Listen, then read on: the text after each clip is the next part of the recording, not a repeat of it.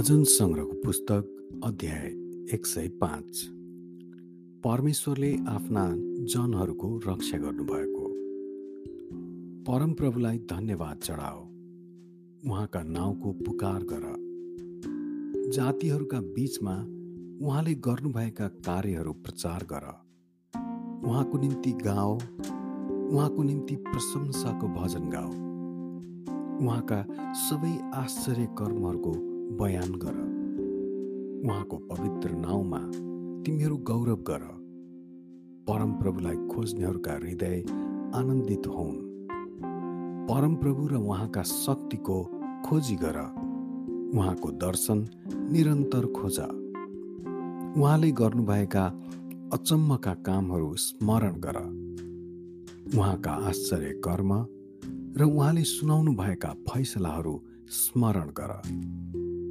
हे उहाँका दास अब्राहमको वंश हे याकुबका सन्तान उहाँका चुनिएका हो।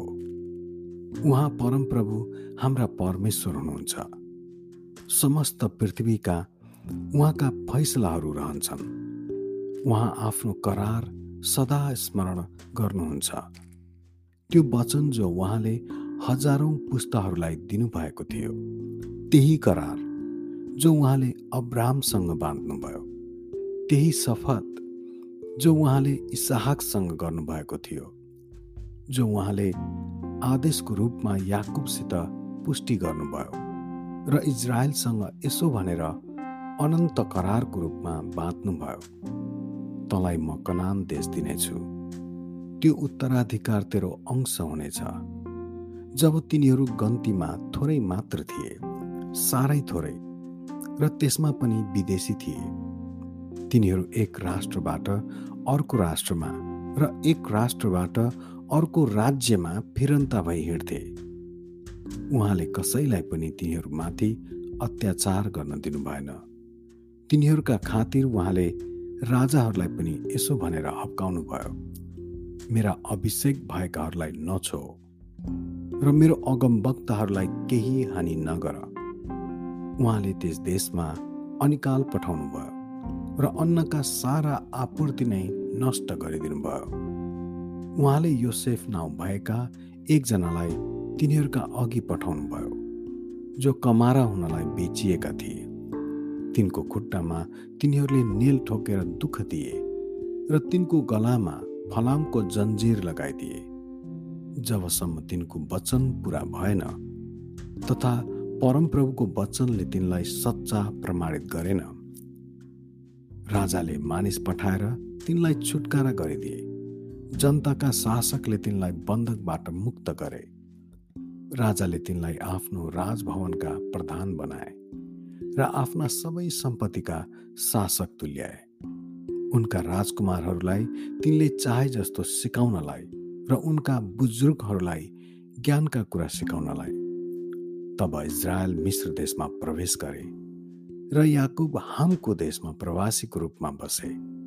परमेश्वरले आफ्ना प्रजालाई ज्यादै फलवन्त बनाउनु भयो तिनीहरूको शत्रुभन्दा तिनीहरूको सङ्ख्या अझ बढी बनाउनु भयो परमेश्वरले मिस्त्रीहरूका हृदयलाई उहाँका दासहरूलाई घृणा गर्न परिवर्तन गर्नुभयो।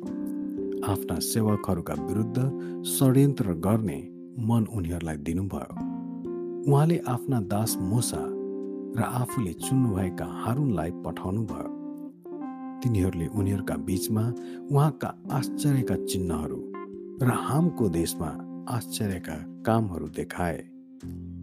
उहाँले अन्धकार पठाउनु भयो र समस्त देशमा अध्यारो छायो किनकि उनीहरूले उहाँका वचनको विरोध गरेका थिए। उहाँले तिनीहरूका पानीहरूलाई रगत बनाउनु भयो र उनीहरूका माछाहरू मरे। भ्यागुताका बथान उनीहरूको देशमा आएर शासकहरूका शयन कक्षसम्म पनि पुगे। उहाँले आज्ञा गर्नुभयो सारा देश झिङ्गा र भुसुनाले भर्यो।